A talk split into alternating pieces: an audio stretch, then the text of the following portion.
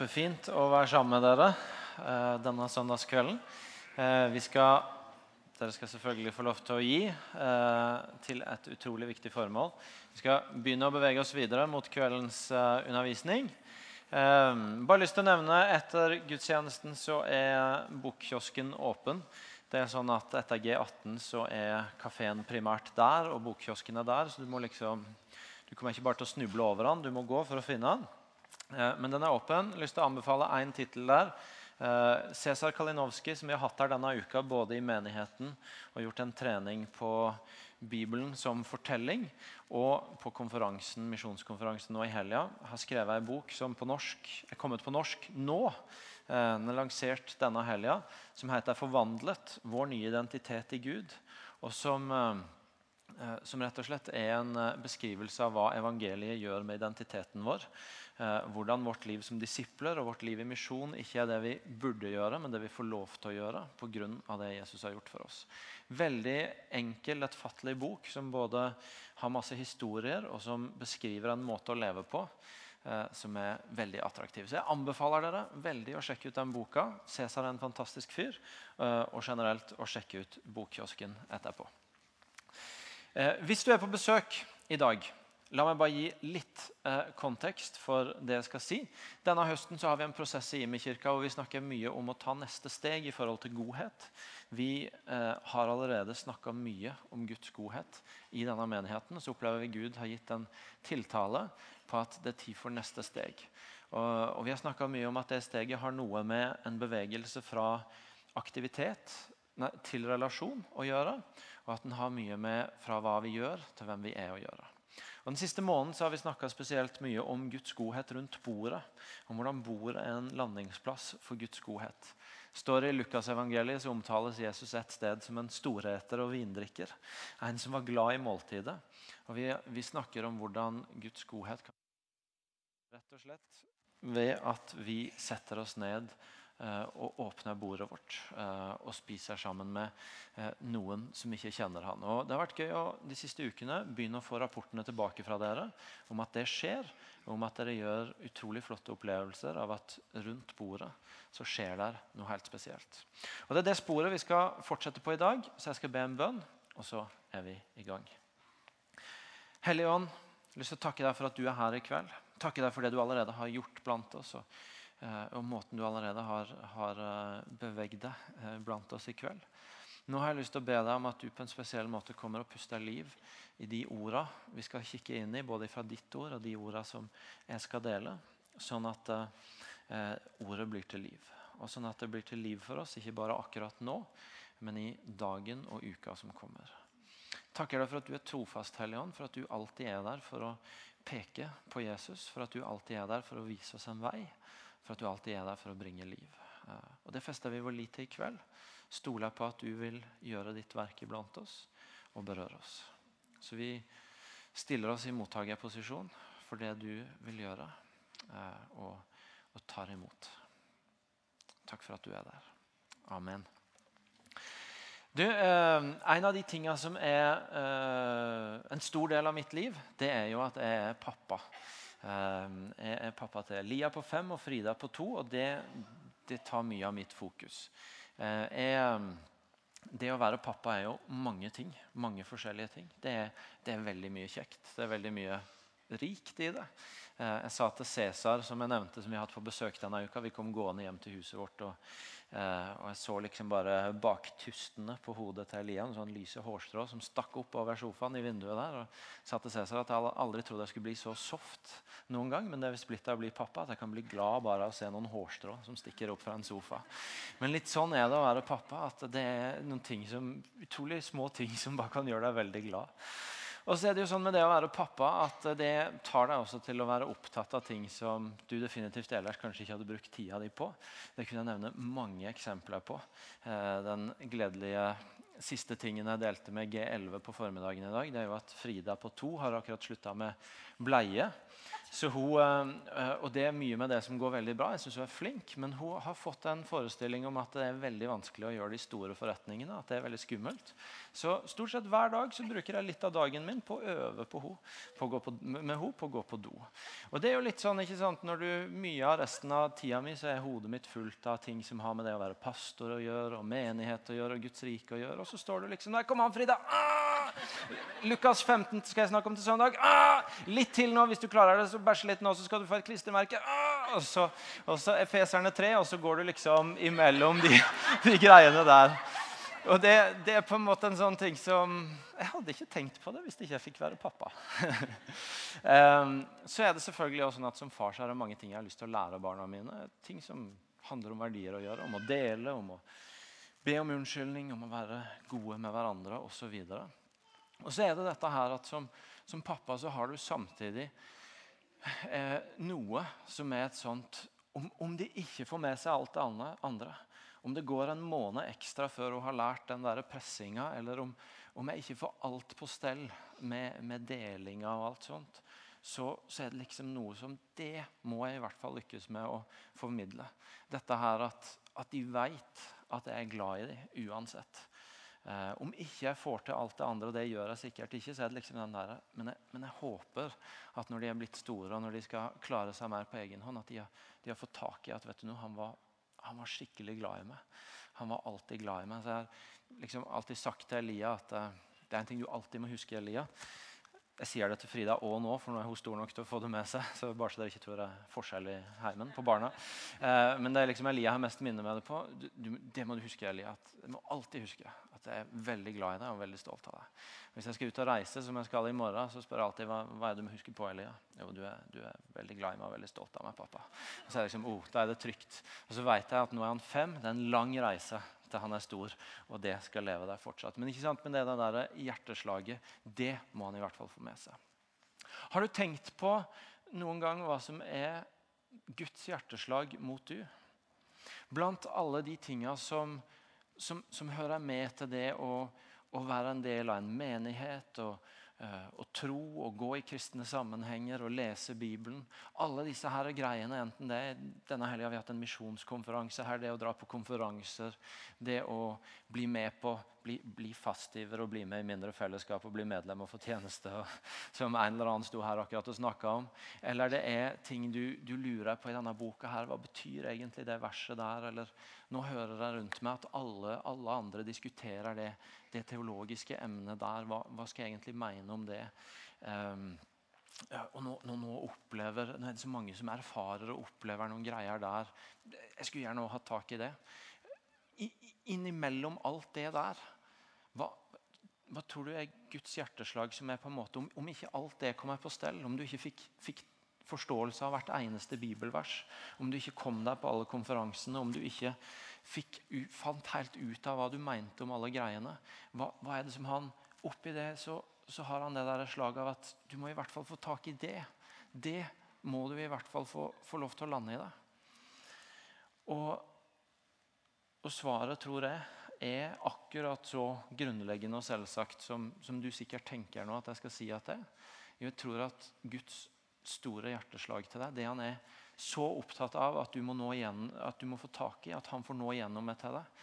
Det han så sterkt ønsker at skal få lande, ikke bare i oss som er i denne, dette rommet, men i, hos alle mennesker, det er at han elsker. At han er en Gud som elsker. Og at, og at, at vi skal vite at vi er elska. At vi skal vite at hans hjerteslag mot oss hele veien går med en puls av kjærlighet. Sånn at vi kan, vi kan leve i det. Og så kan det godt hende at du tenker når jeg sier det at, og jeg, og jeg, kjenner meg veldig trygg for at det svaret etter å ha lest denne boka noen ganger. Noen har kalt Bibelen for Guds kjærlighetsbrev til oss. Og jeg, og jeg, kjenner meg veldig trygg på at det er en grei måte å beskrive det på. Guds hjerteslag til oss, det han for all del ikke vil at vi skal gå glipp av, det er at han elsker. Og Da kan det godt hende at på dette punktet i talen så tenker du ok, men nå er vi på basic eh, i kristen tro. Dette har jeg hørt noen ganger før. Dette vet jeg, dette er rimelig grunnleggende. Og Det kan veldig godt hende at alle i dette rommet, og i hvert fall de aller fleste, har hørt mange ganger at Gud elsker, at han, hans kjærlighet kommer mot oss, at Gud er kjærlighet. Og Allikevel så tror jeg det er utrolig viktig for oss å få tak i at, at det å leve i at Gud elsker oss, det å, det å ha det som en plattform i livet vårt, det er ikke bare å høre det som en tanke, som et konsept, som en sannhet. Og tenke at ok, ja, men da lærte jeg det, da har jeg notert meg det, jeg skal huske det. Og så har jeg det, og så er jeg good to go. Men det er faktisk sånn at det å leve i Guds kjærlighet det er en prosess hvor det stadig vekk er nye lag av den kjærligheten som skal få lov til å møte oss. I Efeserne 3 så ber Paulus for menigheten i Efesos, og antagelig for ganske mange andre òg, siden dette brevet sirkulerte til andre menigheter, at så ber han må Kristus ved troen bo i deres hjerter, og dere står rotfesta og grunnfesta i kjærlighet. Må dere sammen med alle de hellige bli i stand til å fatte bredden og lengden, høyden og dybden. Ja, kjenne Kristi kjærlighet, som overgår all kunnskap. Han ber om at de som allerede vet at Gud elsker, som allerede har tatt imot Jesus, skal få være rotfesta i Guds kjærlighet, sånn at de kan fatte mer og mer av høyden og dybden, bredden og lengden av at han elsker. Og Det forteller oss noe om at det å ta inn over oss, det å leve i, det å ha som plattform i livet at Gud elsker, at, at det er det mest grunnleggende han vil vi skal få tak i. Det er ikke en one-off-greie hvor du har hørt det, og så vet du det, og så er det på plass. Men en prosess hvor som Paulus ber for de i Efesos om at lag på lag så må det få dekkes, på en måte åpnes opp for dem.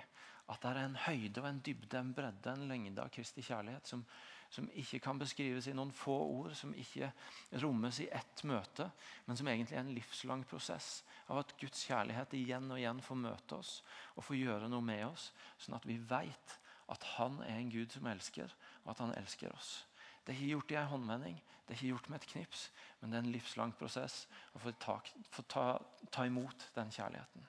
Og jeg synes Det er interessant at når Jesus eh, i Lukas 15 skal gi svar på noen som problematiserer en praksis hos han, og Da er vi tilbake ved bordet. For Lukas 15, et kjent kapittel i Bibelen, det begynner med å si at alle tollerne og synderne holdt seg nær til Jesus for å høre ham. Men fariseerne og de skriftlærde murra og sa seg imellom. Denne mannen tar imot syndere og spiser sammen med dem. Da fortalte han de denne lignelsen. Jesus blir kritisert fordi han spiser med feil folk. Fordi han setter seg ned med feil folk. Fordi han inkluderer de som han ikke burde henge med, de som ikke burde bli assosiert med han. De som han ikke burde senke ned garden for og ta innafor. Og istedenfor å gi et polemisk svar hvor han forsvarer seg, eller hvor han på en måte begrunner veldig og gir, gir, eh, gir et sånt forsvar, så, så legger Jesus det til side. Og så forteller han tre kjente historier som alle sammen er beskrivelser av Guds kjærlighet. Han, han forteller historier som ikke handler om eh, handler om å liksom, ja, gi et forsvar. Men han forteller om en kjærlighet som, som er villig til å bryte opp. Som leiter. Som er villig til å betale en pris. Og som gir kjærlighet til de som ikke fortjener det. Han forteller om denne gjeteren som er villig til å bryte opp fra de 99 når én sau er forsvunnet, fordi han vil så gjerne finne den ene. Han forteller om dama som legger de ni myntene hun har til side for å leite etter denne ene som er borte. Og så, og så er det fest når den er funnet. Han forteller om faren som når sønnen som har rota alt til, og som, og som bare har gått fullstendig på trynet og, og på veien virkelig hånt faren og Så står faren der med åpne armer og tar han imot og ønsker å lage fest. Og fortsetter å kalle han sønn og, og rekke sin kjærlighet til han. Og jeg synes Det er fascinerende at Jesus, som burde ha peiling på Guds kjærlighet, for han har rimelig god, god kjennskap til Gud du vet, det er sånn, Noen ganger så kommer folk til meg og så tenker de at fordi jeg er pastor og jeg har seks års teologiutdannelse, så tenker de han vet sikkert alt om sånne spørsmål. Og Så stiller de det vanskeligste spørsmålet som jeg kanskje ikke har tenkt på på tre år. eller kanskje har jeg aldri tenkt på det. Og så tenker de at det har han sikkert et svar på der og da. Og dere tror jo, nei, jeg mener, dere tror jo ikke håper det, at jeg har svaret på alt. Vi er, vi er, enige om det? Dere har det på plass? Nei, for Hvis ikke så kan dere komme etterpå, så skal jeg vise dere noen ting jeg ikke har skjønt ennå. Eh, men i hvert fall så, så, ikke sant, så noen ganger når du får de spørsmålene, så, så blir ikke svaret veldig presist. Det blir litt sånn mumlete uklart, prøve å tenke fram et eller annet. Mens det er andre ganger hvor du får spørsmål om noe som det er det du er oppslukt av, det du tenker på, det du er helt skarp på. Da kan du bare hamre inn noen få setninger. Helt stålklart. Sånn er det. Når Jesus får et spørsmål om Guds kjærlighet, så skulle han tenke at der kunne han bare være rimelig kvass og, og, og bare svare stålskarpt, fordi han, han har jo levd med Gud i evighet. Han veit hvem han er, og han er sendt av han. Og Likevel så er det ikke nok med én historie for Jesus når han skal beskrive Guds kjærlighet. Han må ha tre. Og tre er heller sikkert ikke nok, men han må i hvert fall ha tre historier for å tegne, begynne å tegne et bilde av en Gud som elsker. Av en kjærlighet som er villig til å bryte opp, som er villig til å leite. Som er villig til å betale en pris, og som elsker der hvor det ikke var fortjent. Jesus som tegner et bilde av en utrolig sterk kjærlighet i stedet for å forsvare at han henger med feil folk. Og Når Jesus litt seinere i historien henger på korset for din og min skyld, etter å ha sagt at ingen har større kjærlighet enn den som gir sitt liv for sine venner, så er det synliggjøringa av at Jesus forteller ikke bare noen vakre lignelser om en Gud som elsker, fordi at det er et fint konsept. Det er en fin tanke å henge noen knagger på. Men det blir så synlig at det er kjøtt og blod. At det er reelt. At det er sann kjærlighet. Det er ikke, det er ikke bare en tanke, en sannhet å arkivere i hodet. Men det, det, er så reelt. Og det er så levd. Og det er så gitt ut uten egen vinning for at en skal møte sånne som meg og du, som trenger det, og som aldri kan gjøre seg fortjent av det. En kjærlighet som er villig til å bryte opp, som leiter etter det den søker. Som betaler en pris, og som gir nåde og gir kjærlighet til den som ikke fortjener det. Og folkens, Når vi snakker om i disse månedene å, å gå lengre i å gjøre Guds godhet tilgjengelig for vår verden og Når vi denne helga har hatt en misjonskonferanse på, på huset her Det jeg snakker om nå, det er livsviktig for vårt liv i misjon og for det å gjøre Guds godhet tilgjengelig.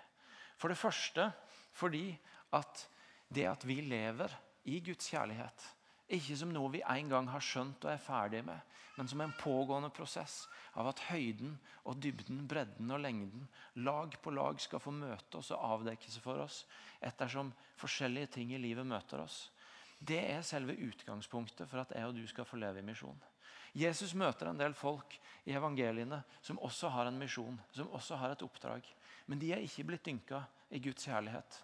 Og deres oppdrag og deres misjon virker det som mer og mer begynner å handle om å sette opp grenser og sette opp gjerder for hvem som hører hjemme og ikke hører hjemme. For hvem som er innafor og for hvem som er utafor. Det blir en misjon som handler om sånne ting som Hvorfor spiser han med de folka? Er ikke det han som Og så har de en eller annen historie på han. Guds kjærlighet setter ikke opp grenser. Guds kjærlighet bryter grenser. Guds kjærlighet går over grenser. Guds kjærlighet bryter ned det som andre prøver å sette opp av skiller. Og Misjon handler ikke om å sette opp grenser, om å definere innafor og utafor. Misjon handler om å krysse grenser, sånn at nye mennesker kan få denne erfaringa av at vet du noe, jeg er elska av den allmektige Gud. Jeg er elska med en kjærlighet som har kosta noe. Som er villig til å, til å, leite meg opp når jeg ikke finner fram sjøl. Som er villig til å skjenke det til meg når jeg ikke fortjente det. Guds kjærlighet krysser grenser. Misjon krysser grenser. Å gjøre Guds godhet tilgjengelig handler ikke om å sette opp grenser, men om å krysse grensene. Og Derfor er dette livsviktig for oss hvis vi skal leve i misjon. Og Det andre handler om at hvis vi tror at det å formidle Guds kjærlighet det er et konsept. Det er en sannhet som du kan ta imot og arkivere i kunnskapen din. Og så er det på plass, og så, og så er det det. Så kan vi også etter hvert tenke at vet du noe, ja, men nå har vi formidla det til folk. Nå er det opp til de å finne ut om de vil ha denne kjærligheten eller ikke. Og så, og så, kan vi i et land som Norge, hvor det er rimelig mye forkynnelse, mange bøker som er ute, mange radioandakter som er holdt, mange utadrettede aksjoner som er, som er, blitt gjort, så kan vi tenke at ja, men alle i Norge har, har, sikkert i større eller mindre grad hørt at Gud elsker, men de har sikkert ikke lyst på det. Jeg tror ikke det er sånn. Jeg tror at det er et hav av mennesker i vår verden, i vår by, i vårt land, som ikke har fått tak i at Gud er en Gud som elsker. som ikke har fått tak i at det er en virkelighet som er betalt en dyr pris for, og som ikke bare var en fin tanke å henge noen knagger på. Vi sier ganske ofte her på huset at folk har ikke sagt nei til Gud. De vet bare ikke hvordan han ser ut. De vet ikke helt hvem han er. Og jeg tror helt og fullt på det. For vi lever ikke i en verden med overflod av kjærlighet. Vi lever ikke i en kultur hvor det som hele veien bombarderer folk, er at vet du noe, du er elska. Du er bra. Du er, du er en som, som, som, mottar kjærlighet og nåde. Kulturen rundt oss er ikke full av bombardement på det. Den er snarere tvert imot ganske ofte full av historier og bombarderinger av ting som forteller en helt annen historie. Formiddag så var Sven her. Han har kommet inn i, eh, For dere som var på G18 sist søndag, så nevnte han så vidt. Men han er en av de som har kommet inn i menigheten her den siste året. Og som forteller om hvordan han, når han kom inn hit de første gangene, har en veldig krevende historie bak seg. Og De fire første gangene han er her, så hører han at det er snakk om tilgivelse. Og Så sier han at han sitter der bare og griner hver gang. Fordi han trodde ikke at det fantes tilgivelse for det han hadde gjort. Han trodde ikke at det var mulig at det skulle finnes tilgivelse for det som var hans liv. Vi kan ikke ta det som en selvfølge at folk har hørt historien om Guds kjærlighet. Sven hadde ikke fått tak i den. Blant alle andre stemmer og krefter som møtte hans liv, så hadde ikke vissheten om at her fins det en som tilgir, en som elsker, en som elsker, fått lov til å lande i han. Og Når vi har Godhetsfestivalen her, og har hatt den i mange år, så er det erfaringa igjen og igjen. At vi møter folk som tilsynelatende har alt, og som en kunne tenke at ikke trenger noe. Og så er responsen på godhet allikevel at vet du noe, det trenger jeg. Jeg har mye annet, men det har jeg ikke møtt. Det har jeg ikke. Jeg trenger å møte kjærlighet. Og Når Jesus sender ut de 72 i Lukas 10, så er faktisk inngangshilsen han ber de om å hilse folk de kommer til og banker på døra til, det er fred være med dette hjemmet. Og Det er en utrolig nydelig hilsen. Kanskje høres det opplagt ut, men vet du noe? det er ikke overflod av fredshilsener heller alltid rundt oss i vår verden. Mange av dere lever i situasjoner og i kontekster hvor det ikke er det som møter dere hver dag, er fred være med deg. Du er elska. Du er tilgitt. Og, så er, og, så er, det vi er bedt om å gå med, og hele veien være sånn sendebud for at folk skal skjønne og se at han er god, at han elsker, at han kommer med fred, at han vil oss godt. Det er så viktig. Vi kan ikke ta for gitt at det har landa hos alle folk. Men vi er på en pågående oppdrag med at stadig flere skal få se det og erfare det. Og Hvis vi skal være ærlige, så tror jeg ennå egentlig vi har til gode å se veldig mange si ok, jeg har sett at han elsker, men jeg vil ikke ha det. Det er ikke mange jeg har sett som har sagt nei til Guds kjærlighet når de faktisk har fått tak i at det er det det handler om. Dette her er så viktig. At Gud elsker, er 101 i kristen tro. Men det å leve i det, det å være dynka i det, det er så viktig for mitt og ditt liv og for vår misjon og for at denne verden skal få se at han er god. Hva gjør Gud for at jeg og du skal få leve i det? For at vi ikke bare skal få høre det, men for at det skal få lande i oss. Da er det et vers som har levd i meg de siste, de siste måneden, kanskje. Jeg har snakka om noen av disse tinga på, på, studentkonferansen for dere som var her. Og Det var, det var i den forbindelse at jeg oppdaga dette enkle verset i 1. Johannesbrev 3, eh, vers 1. Hvor det står Se hvor stor kjærlighet Far har vist oss vi får kalles Guds barn. Ja, vi er det. Se hvor stor kjærlighet far har vist oss. Vi får kalles Guds barn. Ja, vi er det. Det er som om han sier at vet du noe? For at dere skal få tak i at dere er elska, så har jeg gjort dere til barn. Jeg har satt dere i en familierelasjon hvor, Gud, hvor jeg er far, og hvor dere er barn, mine barn, og hvor dere blir søsken med hverandre. Det er mange, mange type relasjon Gud kunne valgt for å relatere til oss mennesker. Vi kunne vært hans skapninger. Og Jeg, jeg syns ikke det er galt å være skapning. Jeg, altså. Det er ganske flott å være skapt av Gud den allmektige. Jeg syns det er bra. Jeg. Eller han kunne sagt, kalt oss venner, og det er jo fantastisk å få være venn med Gud. Han kunne kalt oss tjenere, og det er egentlig ikke så verst det heller. å få lov til å tjene Gud den allmektige. Jeg kan fortsette å ramse opp. Det er så mange egentlig beskrivelser av relasjonen han kunne valgt å gi. Og så velger han å snakke om far og barn. Om en familierelasjon. Og så er det som han sier, jeg velger det for at dere skal forstå at dere er elska. For at det er den beste relasjonen jeg kan tenke meg for at, Guds skal få, for at min kjærlighet skal få lande i dere. Hvor jeg er far, og hvor dere er barn, mine barn, og hvor dere blir søsken med hverandre. Familie. Og til og med så er det sånn at han gir oss Den hellige ånd for å, for å få hjelp til det. For, for, å få hjelp til å leve i at sånn er det. Galaterbrevet 4-6, eh, hvor, hvor det står Fordi dere er barn, så har Gud sendt sin sønns ånd inn i våre hjerter. Og ånden roper 'Abba, far'. Fordi at det ikke er gitt at vi til enhver tid klarer å leve i den sannheten om at vi er, vi er barn, og han er far, og vi er elska av han. Så har han til og med gitt oss sin ånd, som skal hjelpe oss til å kalle ham pappa. Fordi det ikke alltid faller naturlig for oss. Jeg vet at det faller ikke alltid naturlig for meg å huske på at jeg er sønn av Gud. At jeg er han. Og så begynner jeg å kave. Og så er det ganske mange dager jeg bare må si ut for å huske det sjøl. Pappa, du elsker meg, du. For, fordi jeg trenger å høre det og jeg trenger å huske det.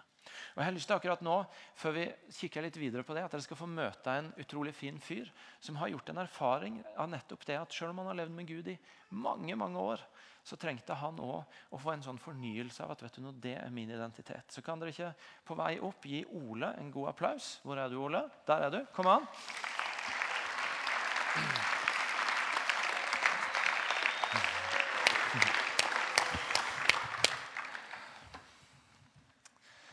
Fantastisk mann. Ole, en av de jeg blir glad av å se. For eh, fortell, Ole, det som du har opplevd i det siste, som handler nettopp om eh, å få leve i denne her posisjonen. Ja, jeg skal prøve på det. Um, jeg var med til, til, Bethel og besøkte menigheten uh, altså Bethel i, i, Reading by her nå i uh, oktober. Uh, og um, jeg meldte meg på her før sommerferien. og ja, jeg hadde lyst til det, og det var ting som jeg hadde lyst til å på mange måter jobbe med der borte. Så jeg meldte meg på denne gangen alene. Eh, og eh, sammen med en gjeng fra IMI, riktignok. Så kommer vi to-tre uker før vi skal reise, og så, eh, og så, er det ting som tårner seg opp på arbeid. Eh, jeg ser at det blir vanskelig å få det til. Eh, og så begynner jeg å bli litt i tvil sjøl òg. Altså, er det egentlig det jeg skal gjøre? Skal jeg bare droppe det, eller hva? Eh, så går jeg der, og tida går, og, og det nærmer seg et tidspunkt hvor jeg er nødt for å si endelig beskjed da, om jeg skal dra. Um, så, skal jeg, det, så er det da en lørdag hvor jeg har vært ute og, og jogga og skal gå inn i dusjen. Og så, og så snakker jeg med Gud og sier at Gud, nå må du bare bekrefte her. Hva, altså, hva vil du jeg skal gjøre? Hva vil du jeg skal gjøre med dette? Så bare dumpe ordet identitet ned i hodet mitt. Og det kunne ikke ha kommet noe annet fra Gud, for det kunne ikke jeg tenke der og da. Ordet identitet. Uh, og så sier jeg OK. Hva tenker du nå? Hva mener du med det? Si litt mer. Og så bare kom det videre, og det er så klart. altså. Han sier at 'jeg skal styrke din identitet i meg', mm. sier Gud til meg. Det, det, var det jeg får. Og så går jeg inn i dusjen og er veldig veldig glad. Letta. Nå reiser jeg. altså Nå vet jeg at nå skal jeg reise. Og, og uh, opplever jo mye bra der borte som på mange måter går i den linja. Mm. Ja, si, si, bare litt om det. Hva, hva, opplevde du der borte? Altså, fikk du bekrefta at det var det han, han, hadde på lager? Ja, jeg, jeg får virkelig bekrefta at, at, det er et som du sier, Egil, at det er et uh, far-sønn-forhold. At jeg er sønn. Altså, har jeg, visst, altså, jeg, har visst det i hodet mitt, og jeg har for så vidt også tatt det litt inn i meg før, men jeg fikk det enda mer grunnfesta at jeg er faktisk Guds sønn, jeg, mm. og han er min far. Jesus er min bror. Uh, du er min bror, Egil, og fordi at Jesus er din bror òg. Uh, og, jeg bare kjenner at det gjør meg veldig godt uh, dypt inni hjertet. Da, fordi at uh, jeg trengte der jeg var da, uh, og jeg trenger det for så vidt ennå. Men jeg trengte det spesielt da jeg ser tilbake på at det skjedde noe som gjør at jeg er enda mer grunnfesta i Han, at jeg, at jeg er enda mer hva skal jeg si? altså Jeg trengte å høre det av forskjellige årsaker, da, som, som, da har med jobb å gjøre, og så har med, med familie å gjøre, og med de relasjonene jeg har rundt meg, som, som gjør at jeg er mye sikrere. og, mm. altså, Jeg går ikke lenger så mye i min egen altså, jeg, jeg, har til nå vært norgesmester i alle fall, på å gå i egen kraft. Og har slitt meg ut gang på gang. Skjønner dere? Eh, og nå har jeg mer og mer klart å legge OK, Gud, dette tar du, altså. Mm. Eh, altså som Martin sier, Gud, hva gjør du nå? Ikke hva gjør jeg nå, men hva gjør du nå? Mm. Hva vil du jeg skal si nå? Hva, skal, hva vil du nå? Eh, og det gir utrolig hvile, det gir utrolig nåde. Og, og eh, ja, jeg har bare så vidt begynt en vandring på det som på mange måter er veldig god så langt. Og, og ja, er, det er veldig bra. Fantastisk. Takk skal du ha. Jo.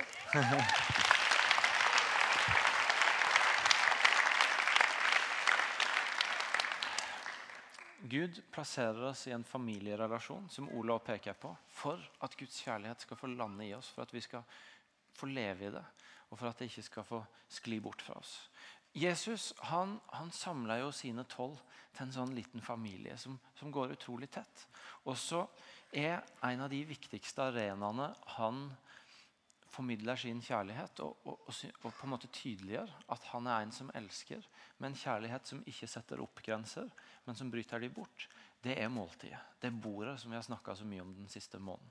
Hvor han setter seg til bords med de som er utstøtt, sånn at de slutter å være utstøtt. Hvor han sitter seg til bords med de som er ensomme, sånn at de ikke lenger trenger å være ensomme.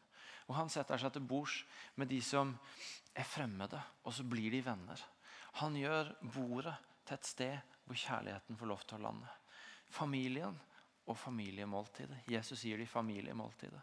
Bordet som det er stedet hvor han virkelig synliggjør Guds kjærlighet. Både gjennom at han setter seg ned med folk ingen andre ville sette seg ned med, og så står de der. og Hvorfor spiser du med de? Hvorfor vil du ha med de å gjøre? Og selvfølgelig fordi han gir oss dette her helt unike måltidet. Nattverden som, som det måltidet som er, jeg og du den dag i dag kan få lov til å feire og spise og drikke og vite at når vi tar det imot, så har Hans kjærlighet fått berøre oss. Den har kommet inn i oss. Helt fantastisk. Og jeg bare tenkte på det, jeg satt og tenkte på det, for liksom, mm, er det litt sånn svevende det der snakk om, om måltid og bord, og hva det er da og er det ikke nå? Og så bare tenkte jeg på min egen oppvekst. Jeg har en mamma og pappa som jeg er utrolig takknemlig for. I likhet med, med alle andre foreldre så har heller ikke de vært perfekte. Men én ting som på en måte er for meg en sånn veldig synlig der kan så mye av det de har klart å gi meg, føres tilbake til. Det er at alle måltider i min oppvekst, da satte vi oss ned og spiste sammen rundt bordet. Frokost, middag og kvelds så, så, så rydda mamma og pappa tid. og Så satte vi oss ned sammen. og Så var det lov å snakke om alt og det var lov å si alt. Men hvis en var uenig, så måtte en tåle å få motbør. Og så kan jeg faktisk føre så mye av det at jeg den dag i dag lever med en sånn grunnleggende trygghet at jeg veit at jeg er ok, og at det er ok at jeg er her. Og, og at jeg alltid har kjent meg trygg på at jeg elsker, kan egentlig føres tilbake til det bordet i Fagerheimveien 4. Eh, og måten mamma og pappa formidla kjærlighet gjennom det. Jeg sier ikke at alle, alle det er den eneste måten å formidle kjærlighet til barna sine på, men jeg bruker det som et eksempel på at det der med at Jesus bruker måltid, er ikke bare en sånn svevende greie. Men det skjer noe når vi setter oss ned rundt bordet. Når vi tenker mindre på oppgaver og mer på mennesker. Når tempoet går ned, når vi ser hverandre. Når det ikke går an å det, det, er utrolig lenge å sitte en halvtime helt i taushet rundt et måltid fordi at en ikke er på talefot. Da blir en faktisk pressa til, til, å rydde opp. Det er så mange ting som skjer rundt bordet når vi ser på Jesu liv, og som en mulighet for oss til å formidle kjærlighet. Familien og familiemåltidet. Hva så med den første kirke? da? Hva dette her med med, med familierelasjon med Gud som far og oss som barn, og, og, som, og, og at vi får være søsken for hverandre. Og, det å, og måltid som et sted for den familien, som familiemåltidet. Eh, var det noe Jesus holdt på med, og som var på en måte en fin greie for han? Men når, når den første kirka kom, så, så, fant de heller på sin egen plan. Nei, det var jo nettopp dette de tok videre. Martin snakka om det forrige søndag, og, eh, og jeg skal ikke gjenta alt det han sa. men det, det er vel verdt å, siden alle ikke, ikke var der, å bare ta med seg likevel bildet i Apostlenes gjerninger 2, hvor det altså står om de at hver dag så holdt de trofast sammen på tempelplassen, og hjemmene brøt i brødet og, og spiste sammen med oppriktig og hjertelig glede. De sang og lovpriste Gud og var godt likt av hele folket. Og hver dag la Herren, til, la, la Herren til nye som lot seg frelse. Bare se for deg Jerusalem. De kom sammen i tempelet. Men hver dag så kom de også sammen i hjemmet. Og Bare se for deg hus etter hus rundt om, spredd utover i hele Jerusalem. Hvor det hver kveld kommer sammen en gruppe mennesker som har begynt å dele alt sammen. Og som hver kveld setter seg ned rundt bordet. Og så spiser de sammen, og så ber de til Gud sammen, og så deler de livet sammen. Og så feirer de nattverden sammen. Og så er det kirka. Og så er det måten hvor de får synliggjort Guds kjærlighet i denne verden. Måten de er familie og feirer familiemåltidet sammen på. Og når de etter hvert med litt, eh, litt sånn spark i baken-hjelp av forfølgelser og sånne ting spres videre utover og tar evangeliet til nye steder, så ser vi at det er det samme som fortsetter å skje.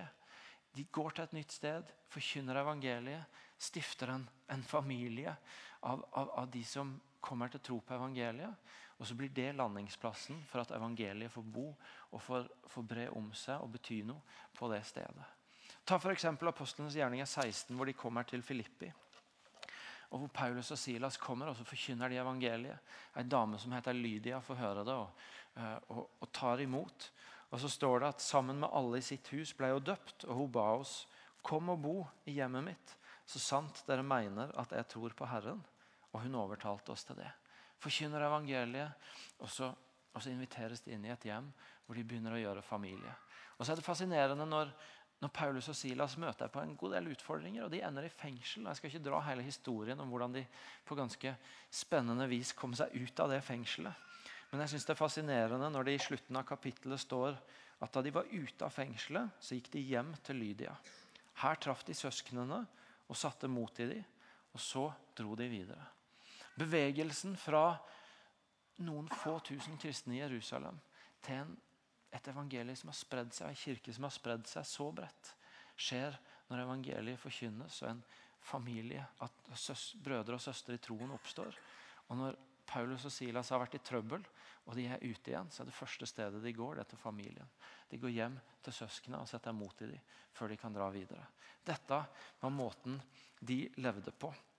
Og Det er jo fascinerende å bare følge Paulus litt i hvordan han tenker om menighetsledere. Eh, fordi Når Paulus skriver om menighetsledere, så står det ikke så mye om hvor mange år de må ha gått på teologisk fakultet. Og jeg sier ingenting stygt om å gjøre det, for det har jeg gjort sjøl i seks år. Men, eh, men, men, han skriver om sånne ting som at de må kunne ta vare på familien sin. Og det er jo klart at Hvis du, hvis du skal lage en, en, en, menighetsfamilie i hjemmet ditt, så, så, kan det hende at det er en grei start å begynne med å klare å ha sånn noenlunde styr på din egen familie. Hvis du skal, skal, skal på en måte innlemme en enda videre familie. Og Der står at du må være gjestfri. Det er klart Du må være gjestfri hvis, hvis menigheten skal, skal, samles i hjemmet ditt stort sett hver dag rundt måltidet. Vanskelig hvis du ikke er gjestfri. Eh, noen kriterier som bare er med på å bekrefte det. Og til og med så er det jo sånn at Den ultimate sanksjonen han beskriver i kirka, hvis noen ikke lar seg ansvarliggjøre og rettlede, så er det faktisk at de skal holdes unna familiemåltidet. Det er det verste han kan gjøre. den ultimate sanksjonen. Og Det sier bare noe om hvordan denne tenkninga var, var, måten Paulus og disse første holdt på. En som heter Tim Chester, skriver This is what the church is to be. A community of broken people finding family around a meal under the tree of cavalry. Dette er det kirka skulle være. Et fellesskap av brutte mennesker som finner familie rundt et måltid under korset. Fantastisk bilde av kirka, er det ikke det? Ja sier det en gang til, så jeg er sikker på at dere har fått det med dere. Dette er det kirka skulle være. Et fellesskap av brutte mennesker som finner familie rundt et måltid under korset. Leser ikke så mye i brevene til Paulus hvor de blir pusha igjen og igjen på at nå må dere komme dere ut og nå nye. Men vi leser om hvordan de får hjelp til å være en familie som blir et, et nedslagsfelt for Guds godhet. Og så sprer evangeliet seg like mye gjennom hvem de er, som gjennom hva de gjør. Sant? Og det er noe av det vi snakker om her. For oss, kjære dere som ikke primært dere som er på besøk, men dere som er i IMI, så har det betydd at vi denne høsten mer og mer har snakka om at vi ser for oss at vi går inn i en tid hvor vi begynner å plante huskirker rundt om i bydeler og nabolager. Og Det handler om nettopp disse tingene her. Om å se familier, trosfamilier, som blir et sånt nedslagsfelt for Guds kjærlighet. Sånn at jeg og du kan få leve i Guds kjærlighet.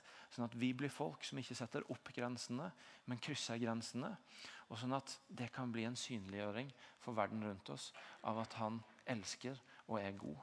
Vi snakker om fellesskap i hjemma rundt om i bydelene på en sånn størrelse at det går an å passe i et hjem.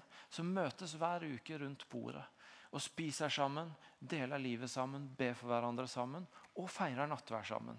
At ikke nattverden lenger bare er låst inne i dette bygget her, men at den tas ut, akkurat som vi leste om i Apostlenes gjerninger 2, til de fellesskapene, til de familiene i hjemmet. Og, og det, hvis, hvis, du er en av de som har begynt å tenke på det, som har hørt det budskapet nå noen uker, og, og har begynt å jobbe i det, kom gjerne og snakk med oss. Begynn å, begynn å be over hvem, eh, hvem er det du kunne tenke deg å, å kanskje invitere meg inn i det. Tror du, hvordan tror du det kunne sett ut i ditt nabolag, i din bydel, eller med noen av dine venner? Og Begynn å be over det, lytt til det, snakk med andre om det. Ehm, jeg og Hildegunn satt og snakka i går og bare begynte å be Gud Gud vis oss de folka du tenker at vi skal gjøre dette sammen med. Og fascinerende nok så kom et av de navnene vi ble minna om i går, kom bort til oss etter gudstjenesten i formiddagen i dag og sa vet du noe, jeg lurte på om ikke vi skulle gjøre noe sammen. Og så ser han hvordan Gud begynner å jobbe i dette. Begynn å, begynn å be de bønnene. Begynn å være i den prosessen. Og kom og snakk med oss hvis du tenker dette er jeg tiltrukket av. Men, og jeg vet at jeg er ikke den som beskriver alle detaljer med en gang. Jeg trenger å skjønne litt mer av hva han snakker om. litt mer konkret. Så skal vi gi dere det mer og mer, men kom gjerne og snakk med oss. Det er til alle dere her i menigheten. Og så har jeg lyst til å lande oss alle i at denne søndagen så tror jeg Gud har lyst til å møte oss igjen med en bekreftelse av at han elsker oss. Men påminner om at han er ikke ferdig med å, med å gi det ut til oss. Og at vi er ikke ferdig med å ta det imot. Men det er en høyde, og en dybde, en bredde og en lengde av at han elsker, som lag for lag skal få møte oss og åpne seg opp for oss eh, midt i det vi står i. Og Det er så viktig for at jeg og du skal få være folk som krysser grenser istedenfor å bygge opp grenser i denne verden. For å være mennesker som får spre Guds kjærlighet til denne verden istedenfor at folk skal leve i andre bilder av hvem han er. Så skal vi reise oss opp og så skal vi be litt sammen for det.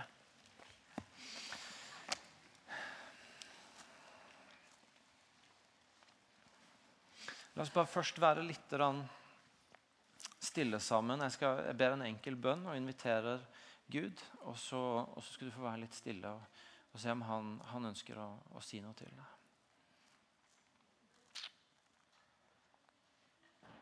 Gud, takk for at du elsker. Takk for at du valgte å kalle oss barn. Fordi du så at, at, at det var den beste måten vi kunne forstå at din kjærlighet når oss på. Og nå har jeg bare lyst til å invitere deg til akkurat her og nå å komme til den enkelte av oss og, og, tale om det, minne om det. Kanskje åpne et nytt lag av høyde og dybde, bredde og lengde. Ehm, sånn at vi skjønner at det å være elska av du er ikke en teori, men det er et liv som igjen og igjen får møte oss.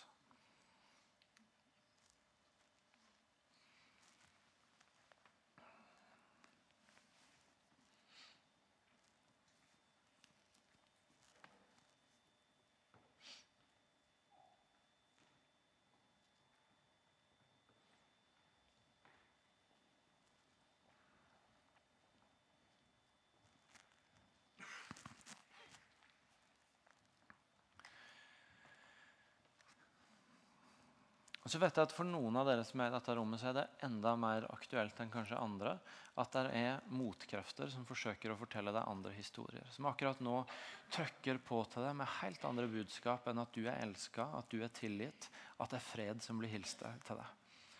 Og Da har vi lyst til å be for deg i kveld. Om at nettopp du skal oppleve at et nytt lag blir åpna opp. Sånn at sjøl selv om alt det kommer mot deg, så er det Guds kjærlighet som får være fundamentet ditt. Så Hvis det gjelder du, så bare gi ei hand i været, og så har vi lyst til å be for deg. Dette er et trygt sted, det er familie, og, um, og, og det er ikke farlig å gjøre det. Du vil ikke bli på en måte konfrontert med det etterpå, men vi har bare lyst til å be for deg. Hold, hold ei hand i været hvis det er du som møter de motkreftene, og som trenger å akkurat i kveld få en sånn ny, ny møte av at Gud elsker. Og Dere som har hendene i været, hvis dere holder de hendene i været, og dere som står rundt, legg hendene på dem og be for dem. Hvis du ikke syns det er ok å be, så trer du bare litt til side, og så slipper du fram noen som syns det er ok å, å be. Hold hendene i været til noen har kommet til deg for å be for deg.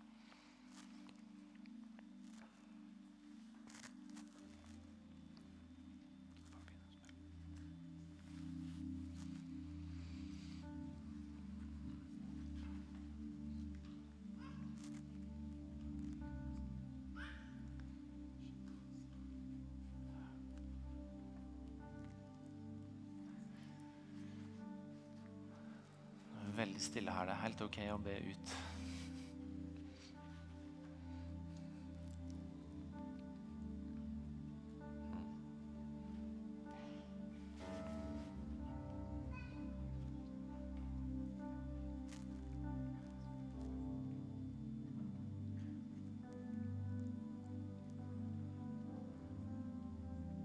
Takk, far, for en kjærlighet som, som bryter grenser. Som betaler en pris, som er villig til å leite etter oss. Som skjenker oss, skjenkes oss og kommer mot oss selv om vi ikke har fortjent det. Takk for en kjærlighet som, som, som tåler å bli skitten på hendene. Som, som, tåler å ta i det som er skittent og, og uryddig. Takk for at du aldri blir ferdig med å elske oss, men du møter oss igjen og igjen. Nå ber vi deg for brødre og søstre her som, som, som merker trøkket som kommer mot dem av helt andre sannheter og helt andre fortellinger i deres liv. Om at du skal møte dem radikalt med din kjærlighet i kveld.